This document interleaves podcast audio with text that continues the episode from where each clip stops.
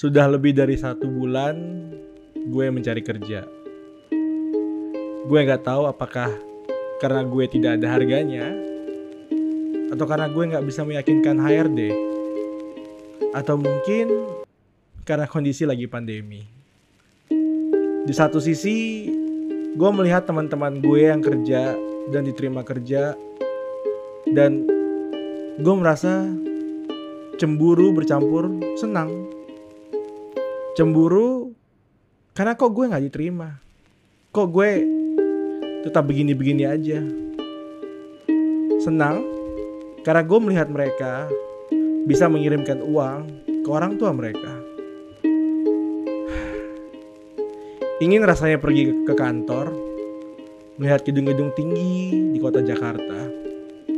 Pergi pagi, pulang malam, dan menunggu masuknya gaji di tanggal 25.